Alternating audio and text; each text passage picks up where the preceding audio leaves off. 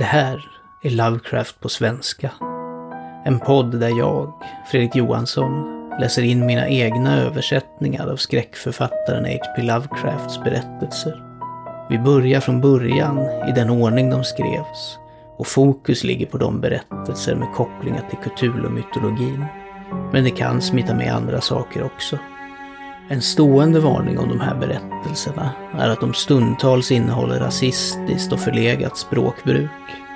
Mer om mina tankar kring detta finns att läsa på poddens hemsida.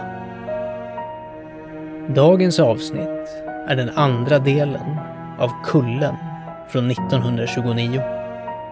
Originaltiteln på engelska är The Mound, vilket avser en typ av kulle som är konstgjort skapad under forntiden. Det kan antingen vara ett monument, en bosättning, en grav eller ha en annan religiös betydelse. Jag tyckte inte riktigt att jag kunde hitta en bra motsvarighet på svenska som inte lät konstlad. Så det blir kort och gott Kullen. Vår indianantropolog har nu fått berättat för sig om de hemskheter som tycks drabba de stackars själar som vågar utforska kullen för nära. Han har också sett med sina egna ögon skenet från den vålnad som hemsöker platsen på natten. Trots detta, eller kanske tack vare, ökar hans intresse för saken och han söker nu upp det närliggande indianreservatet för att lära sig vad de lokala Wichita-indianernas legender har att säga om platsen och dess spöken. God lyssning.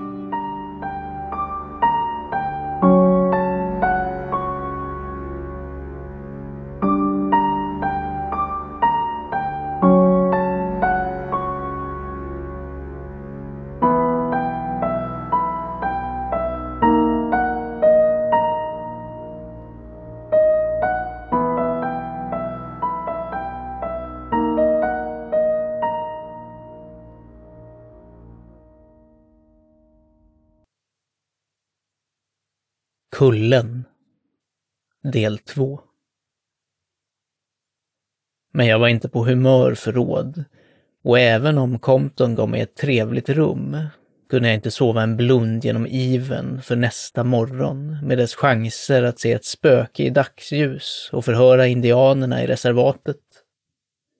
Jag hade för avsikt att gå igenom hela saken långsamt och noggrant och förse mig själv med all tillgänglig data både vit och röd, innan jag påbörjade några faktiska arkeologiska undersökningar. Jag gick upp och klädde mig vid gryningen och när jag hörde att andra var uppe gick jag ner. Compton tände kökselden medan hans mor var upptagen i skafferiet. När han såg mig nickade han och efter en stund bjöd han ut mig i det glamorösa unga solljuset. Jag visste vart vi skulle och när vi gick längs vägen spände jag mina ögon västerut, över slätterna.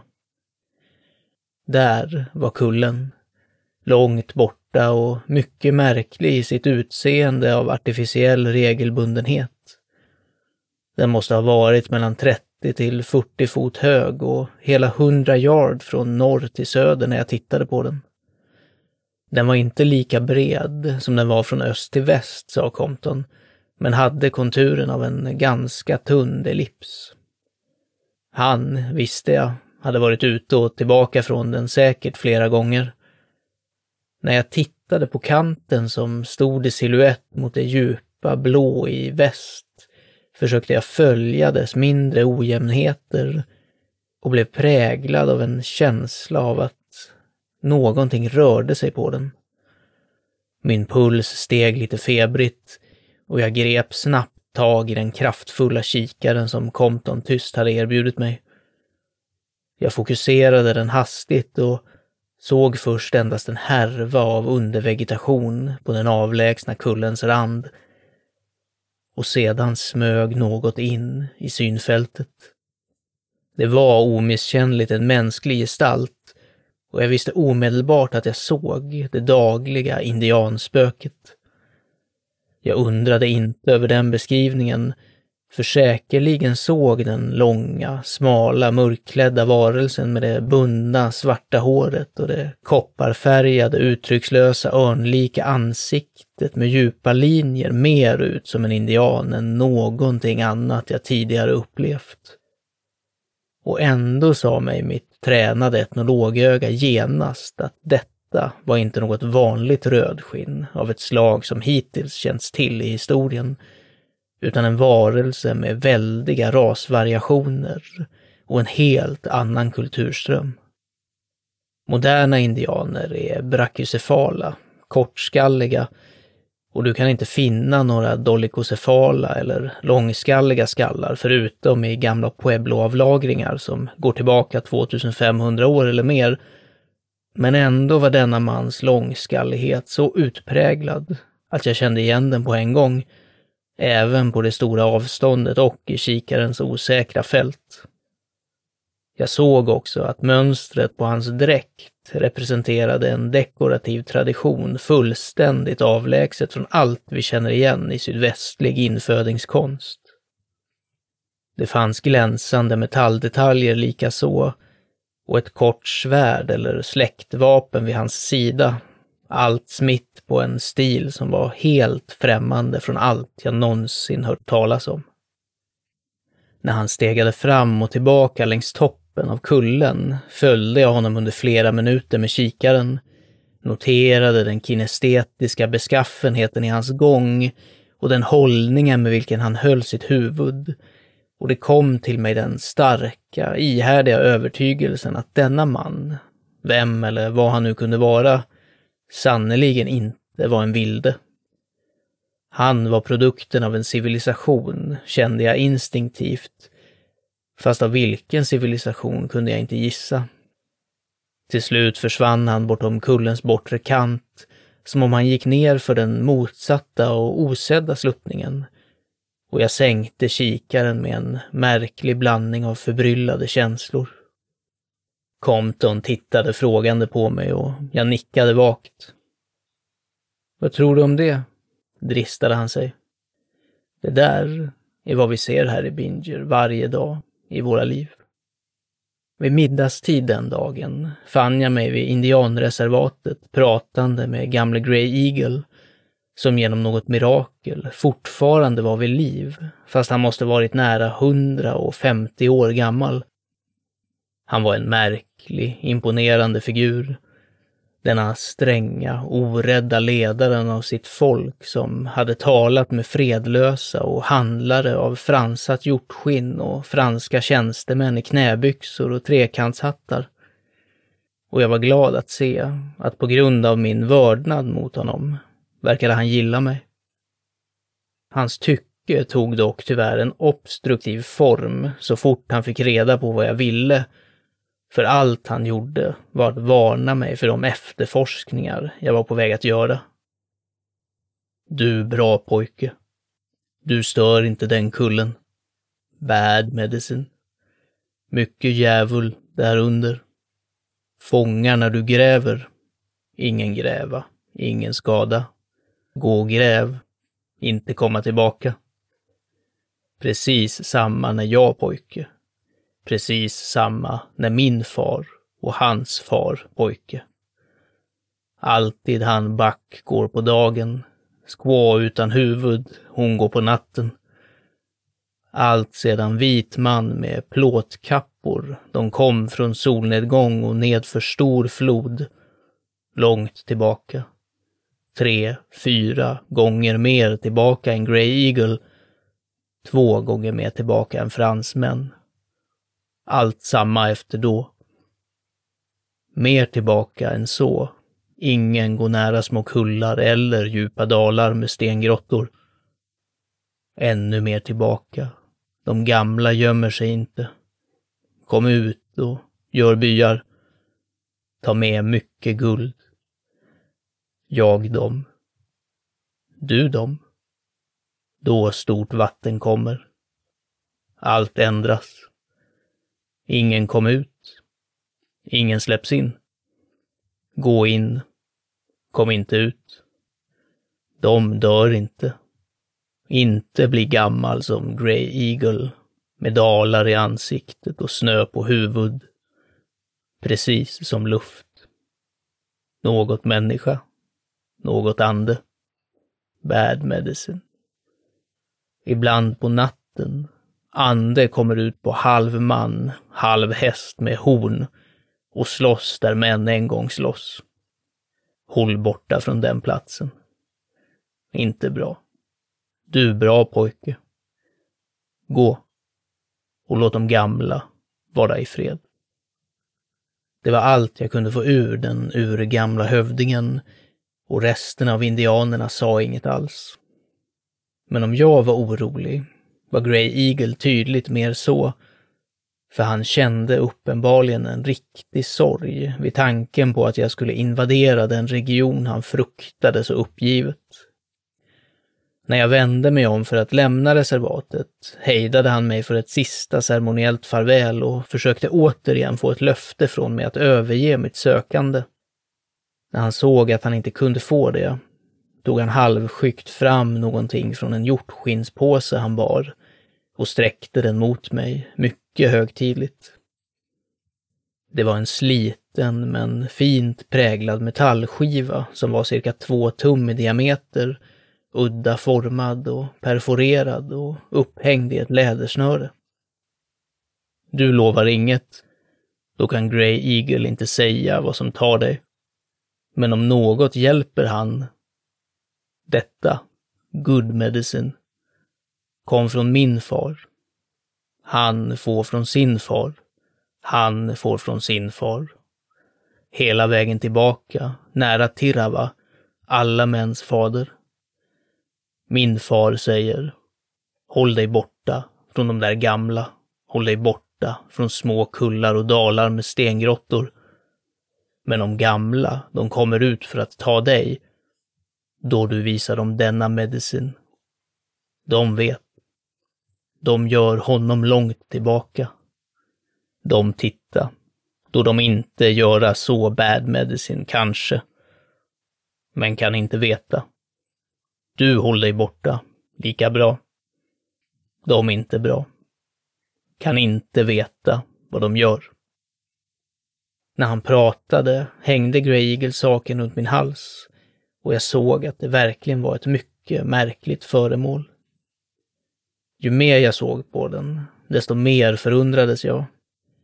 För inte bara var dess tunga, lätt mörka, glänsande och tätt fläckiga substans en absolut främmande metall för mig, utan vad som fanns kvar av dess form tycktes vara av ett fantastiskt konstnärligt och ytterst okänt hantverk. En sida, vad jag kunde se, hade burit ett utsökt, utformat ormmönster, medan den andra sidan hade avbildat en slags bläckfisk eller annat tentakelmonster. Det fanns också några halvt utplånade hieroglyfer av ett slag som ingen arkeolog kunde identifiera eller ens placera dem gissningsvis. Med Grey Eagles tillåtelse lät jag senare experthistoriker, antropologer, geologer och kemister noggrant gå igenom skivan, men från dem erhöll jag endast en kör av förbryllning. Den trotsade både klassifiering och analys. Kemisterna kallade den ett amalgam av okända metalliska element med tung atomvikt och en geolog föreslog att ämnet måste vara av meteoriskt ursprung, utskjuten från den interstellära rymdens okända avgrunder. Om den verkligen räddade mitt liv, eller förstånd eller existens som mänsklig varelse, kan jag inte försöka mig på att avgöra. Men Grey Eagle är säker på det. Han har den igen, nu. Och jag undrar om den har något samband med hans överdrivna ålder. Alla hans fäder som hade den levde långt över ett århundrade och omkom endast i strid. Är det möjligt att Grey Eagle, om han hålls från olyckor, aldrig kommer att dö? Men jag ligger före min berättelse. När jag återvände till byn försökte jag säkra mer lärdom om kullen, men fann endast exalterat skvaller och motstånd. Det var riktigt smickrande att se hur omtänksamma folk var om min säkerhet, men jag var tvungen att lägga deras frenetiska invändningar åt sidan. Jag visade dem Grey Eagles amulett, men ingen av dem hade någonsin hört talas om den förut eller sett något som ens liknade den. De var överens om att det inte kunde vara en indianrelik och föreställde sig att den gamla hövdingens förfäder måste ha erhållit den från någon handelsman. När de såg att de inte kunde avskräcka mig från min resa gjorde invånarna i Binger sorgset vad de kunde för att assistera mig med utrustning. Då jag visste innan min ankomst vilken typ av arbete som skulle utföras hade jag redan med mig de flesta av mina redskap.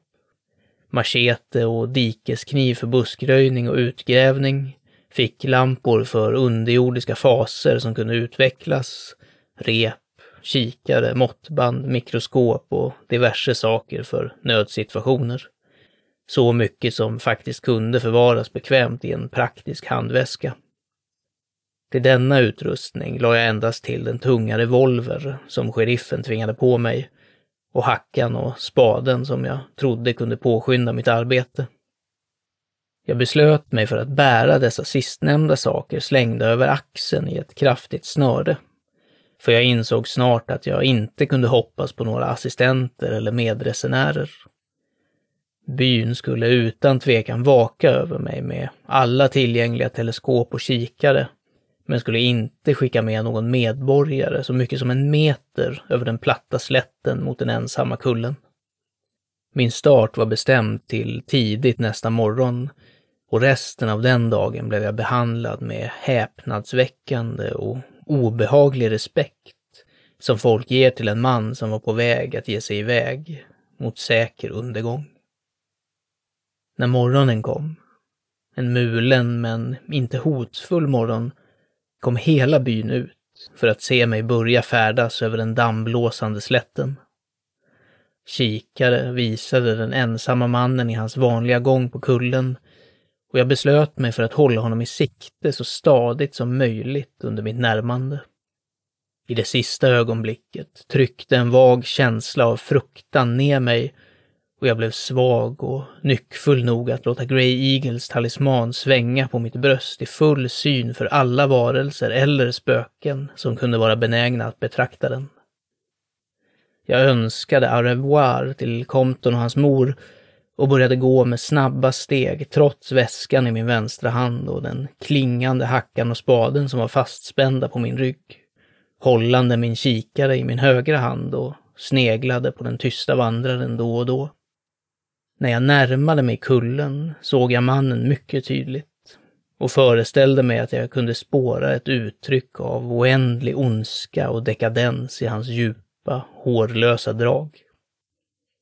Jag blev också förvånad över att se att hans guldglänsande vapenfodral bar hieroglyfer mycket liknande dem på den okända talismanen jag bar. Alla av varelsens kläder och utsmycknader vittnade om ett utsökt hantverk och kultivering.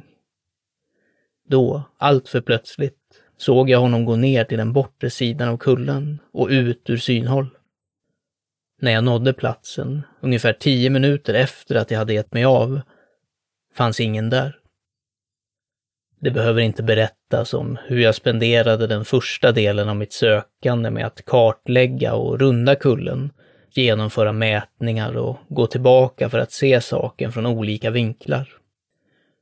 Den hade imponerat enormt på mig när jag närmade mig den och det tycktes finnas ett slags latent hot i dess alltför regelbundna konturer.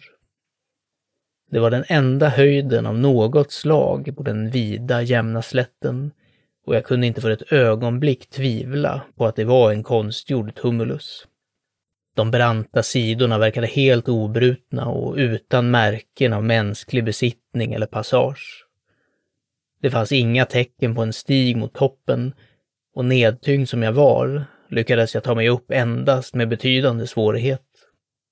När jag nådde toppen fann jag en relativt jämn elliptisk platå omkring 300 gånger 50 fot i storlek, enhetligt täckt med tjockt gräs och tätt buskage och helt oförenlig med den ständiga närvaron av en patrullerande vaktpost. Detta tillstånd gav mig en verklig chock, för det visade utan tvekan att den gamle indianen, även om han verkade levande, inte kunde vara något annat än en kollektiv hallucination. Jag såg mig omkring med stor förvirring och oro och sneglade vemodigt tillbaka på byn och massan av svarta prickar som jag visste var den vakande folkmassan. När jag riktade min kikare mot dem såg jag att de studerade mig ivrigt med sina kikare. Så för att lugna dem viftade jag med min hatt i luften med en uppvisning av hurtighet, vilket var långt ifrån hur jag kände mig. Då började jag mitt arbete, slängde av mig hacka, spade och väska, tog min machete från den senare och började rensa bort buskaget. Det var en tröttsam uppgift, och då och då kände jag en märklig rysning när någon avvikande vindpust uppstod som för att hämna mina rörelser med en skicklighet som närmade sig avsikt. Stundtals verkade som en halv påtaglig kraft tryckte mig tillbaka medan jag arbetade. Nästan som om luften tjocknade framför mig eller som om formlösa händer drog i mina handleder. Min energi tycktes förbrukas utan att producera några tillräckliga resultat, men trots allt gjorde jag vissa framsteg. Till eftermiddagen hade jag tydligt uppfattat att det mot den norra änden av kullen fanns en liten skålliknande fördjupning i den rottrasslade jorden. Även om detta kanske inte betydde något skulle det vara en bra plats att börja på när jag nådde grävstadiet och jag gjorde en mental anteckning om det. Samtidigt la jag märke till en annan och mycket märklig sak. Nämligen att indiantalismanen som hängde runt min hals tycktes bete sig konstigt vid en plats ungefär 17 fot sydöst från den antydda skålen. Dess rotationer förändrades när jag råkade böja mig runt den platsen och den drogs nedåt, som om den drogs av någon magnetism i jorden. Ju mer jag la märke till det, desto mer slog det mig och till slut bestämde jag mig för att genomföra lite preliminär grävning där utan vidare dröjsmål. När jag vände jorden med min dikeskniv kunde jag inte låta bli att undra över den relativa tunnheten av det rödaktiga regionala lagret. Landet i stort var helt röd sandstensjord men här fann jag en märklig svart mylla mindre än en fot ner. Det var sådan jord som man finner i de märkliga djupa dalarna längre väst och söderut och måste säkerligen ha förts från avsevärda avstånd under den förhistoriska tiden då kullen anlades. Stående på knä och grävande kände jag hur lädersnöret runt min hals drog hårdare och hårdare som om någonting i jorden tycktes dra den tunga metalltalismanen mer och mer. Då kände jag hur mina redskap träffade en hård yta och undrade om ett stenlager vilade under till. När jag bände runt med dikeskniven fann jag att så inte var fallet. Istället, till min intensiva förvåning, fick jag fram ett mögeltäckt, tungt föremål av cylindrisk form, ungefär en fot lång och fyra tum i diameter, till vilken min hängande talisman klängde sig fast vid med limliknande envishet. När jag rensade bort den svarta myllan ökade min förundran och spänning av de basreliefer som avslöjades av den processen. Hela cylindern, ändar och allt, var täckta med figurer och hieroglyfer och jag såg med växande upphetsning att dessa saker var i samma okända tradition som de på Grey Eagles amulett och på spökets gula metallutsmyckningar som jag hade sett genom kikaren. När jag satte mig ner rengjorde jag den magnetiska cylindern ytterligare mot det grova manchestertyget på mina nickers och observerade att den var gjord av samma tunga, glänsande, okända metall som amuletten Därav utan tvekan den enastående dragningskraften. Ristningarna och graveringarna var mycket märkliga och mycket hemska. namnlösa monster och mönster fyllda av illasinnad ondska. Och alla var av hög elegans och hantverk. Först kunde jag inte förstå mig på saken och hanterade den planlöst till jag såg en skåra nära ena ändan. Då letade jag ivrigt efter någon öppning och upptäckte till slut att änden helt enkelt skruvades loss. Locket gav med sig med svårighet, men till sist lossnade den och frigjorde en märklig aromatisk odör. Det enda innehållet var en skrymmande rulle av en gulaktig pappersliknande substans inskriven med grönaktiga tecken och för en sekund kände jag en överlägsen spänning i att tänka mig att jag höll i en nedskriven nyckel till okända äldre världar och avgrunder bortom tiden. Nästan omedelbart däremot visade upprullningen av ena änden att manuskriptet var på spanska. Om än den formella pompösa spanskan från en sedan länge passerad tid. I det gyllene ljuset från solnedgången såg jag på rubriken och det inledande stycket och försökte tyda det bedrövliga och illa kommaterade manuskriptet från den försvunna författaren. Vilken slags relik var detta? Vad för sorts upptäckt hade jag snubblat över? De första orden satte mig i en ny extas av upphetsning och nyfikenhet för istället för att avleda mig från min ursprungliga sökan gav de mig skrämmande bekräftelse för just den insatsen. Den gula rullen med det gröna manuskriptet började med en tjock, identifierande överskrift och en ceremoniell desperat vädjan om tro på otroliga uppenbarelser som skulle följa. Relation de Panfilo de Samaconia y Núñez Hidalgo de Luarca en Asturias, Tucante al mundo soterrano de Quinian, Anno Domini 1545. En el nombre de la Santísima Trinidad, Padre, Hijo e Espíritu Santos, tres personas distintas y un solos. Dios verdadero, y la da Santísima Virgen Nuestra Señora. Yo, Panfilo de Samacona, hijo de Pedro Guzmán y Samacona Hidalgo, y de la donna Inés Alvarado y Núñez de Luarca en Asturias. Juro para que todo que deco esta verdadero como sacramento. Jag stannade upp för att reflektera över den illavarslande innebörden i det jag läste. Skildring av Panfilo de Samacona y Núñez, gentleman från Luarca i Asturien. Angående Kinyans underjordiska värld 1545 efter Kristus. Det här var säkerligen för mycket för något sinne att absorbera allt på en gång. En underjordisk värld. Återigen den där ihärdiga idén som filtrerats genom alla indianberättelserna och genom alla yttranden från de som kommit tillbaka från kullen. Och datumet 1545. Vad kunde detta betyda?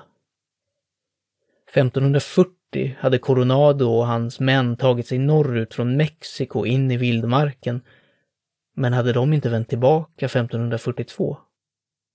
Mitt öga löpte frågande nerför den öppnade delen av rullen och grep nästan omedelbart tag i namnet Francisco Vasquez de Coronado. Författaren till den här saken var uppenbarligen en av Coronados män, men vad hade han gjort i detta avlägsna rike tre år efter att hans grupp hade färdats tillbaka? Jag måste läsa vidare. För en annan blick sa mig att det som nu rullats upp endast var en summering av Coronados nordliga marsch, som inte skilde sig på något väsentligt sätt från den berättelse som är känd i historien. Det var endast det avtagande ljuset som stoppade mig innan jag kunde rulla ut och läsa mer. Och i min otåliga förvirring glömde jag nästan bort att bli rädd för den anstormande natten på denna olycksbådande plats. Andra, däremot, hade inte glömt den lurande skräcken För jag hörde ett högljutt, avlägset hojtande från en grupp män som hade samlats i utkanten av staden. När jag besvarade det oroliga anropet återställde jag manuskriptet i dess märkliga cylinder, på vilken skivan runt min nacke fortfarande klängde sig fast tills jag bände bort den och packade ner den och mina mindre redskap för avfärd. Jag lämnade hackan och spaden för nästa dags arbete, tog upp min handväska, rusade ner för den branta sidan av kullen och var efter ytterligare en kvart tillbaka i byn och förklarade och visade upp mitt märkliga fynd. När mörkret drog fram sneglade jag tillbaka på kullen som jag så nyligen hade lämnat och såg med en rysning att den svaga, blåaktiga facklan tillhörande det nattliga skåspöket hade börjat glimma. Det var hårt arbete att vänta på att komma till den svunna spanjorens skildring, men jag visste att jag måste ha lugn och ro för att göra en god översättning, så jag sparade motvilligt uppgiften till kvällens senare timmar. Jag lovade stadsborna en tydlig redogörelse av mina fynd på morgonen och gav dem en god stund att undersöka den bizarra och provokativa cylindern, följde Clyde Compton hem och gick sedan upp till mitt rum för översättningsprocessen så snart jag kunde.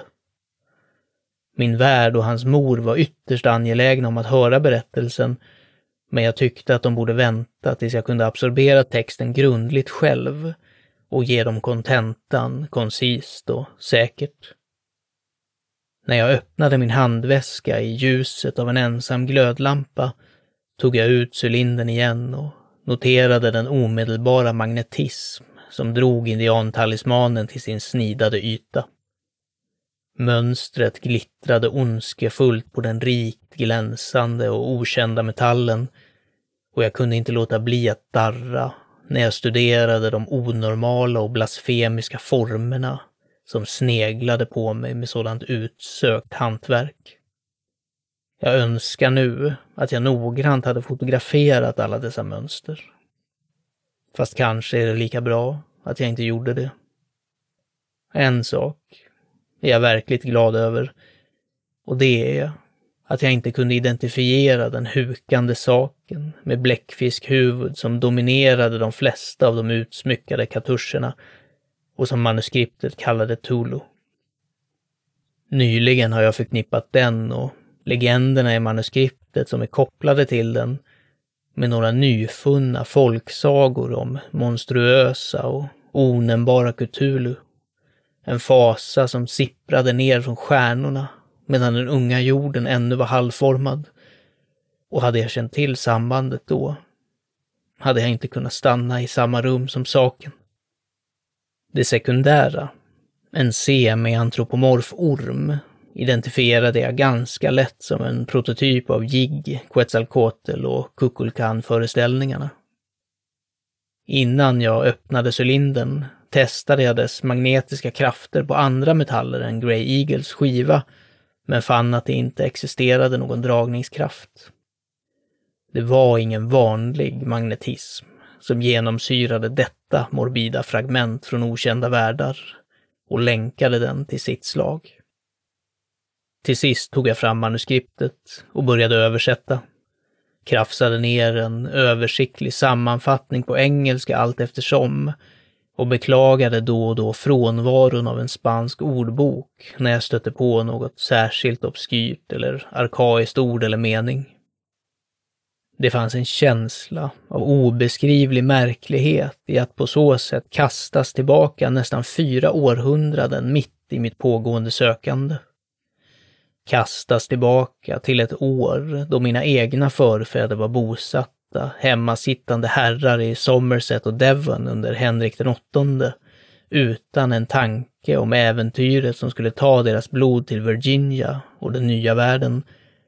Och ändå när den nya världen innehöll, även nu, samma ruvande mysterium som kullen, vilken utgjorde min nuvarande sfär och horisont, var känslan av en återgång desto starkare eftersom jag instinktivt kände att det gemensamma problemet för spanjoren och mig var ett av sådan avgrundslös tidlöshet, av sådan ohelig och ojordisk evighet, att de knappa 400 åren mellan oss blev som ingenting i jämförelse. Det krävdes inte mer än en enda blick på den där monstruösa och försåtliga cylindern för att få mig att inse de svindlande klyftor som gapade mellan alla människor på den kända jorden och de primala mysterier som den representerade. Inför den klyftan stod Pamfilo de Samacona och jag sida vid sida. Precis som Aristoteles och jag, eller Keops och jag, kunde ha stått.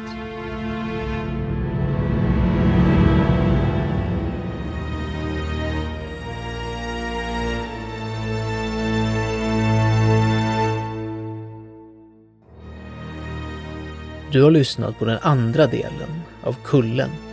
En berättelse av Howard Phillips Lovecraft och Celia Bishop som skrevs i december 1929 och som publicerades för första gången i november 1940 i Weird Tales, i det sjätte numret av den 35 utgåvan.